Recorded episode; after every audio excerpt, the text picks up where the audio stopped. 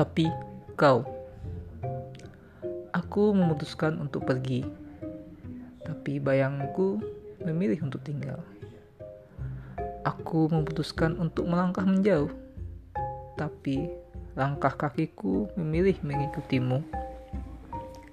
Aku memutuskan untuk diam, tapi suaraku lebih memilih bercerita padamu.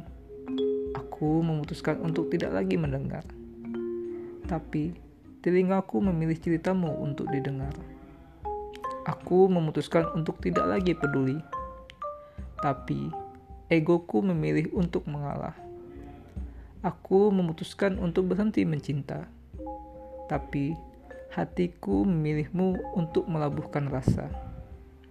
Tuhan, seandainya dia tahu bahwa dia adalah satu-satunya alasan di mana aku tak pernah berhenti bertengkar dengan diriku.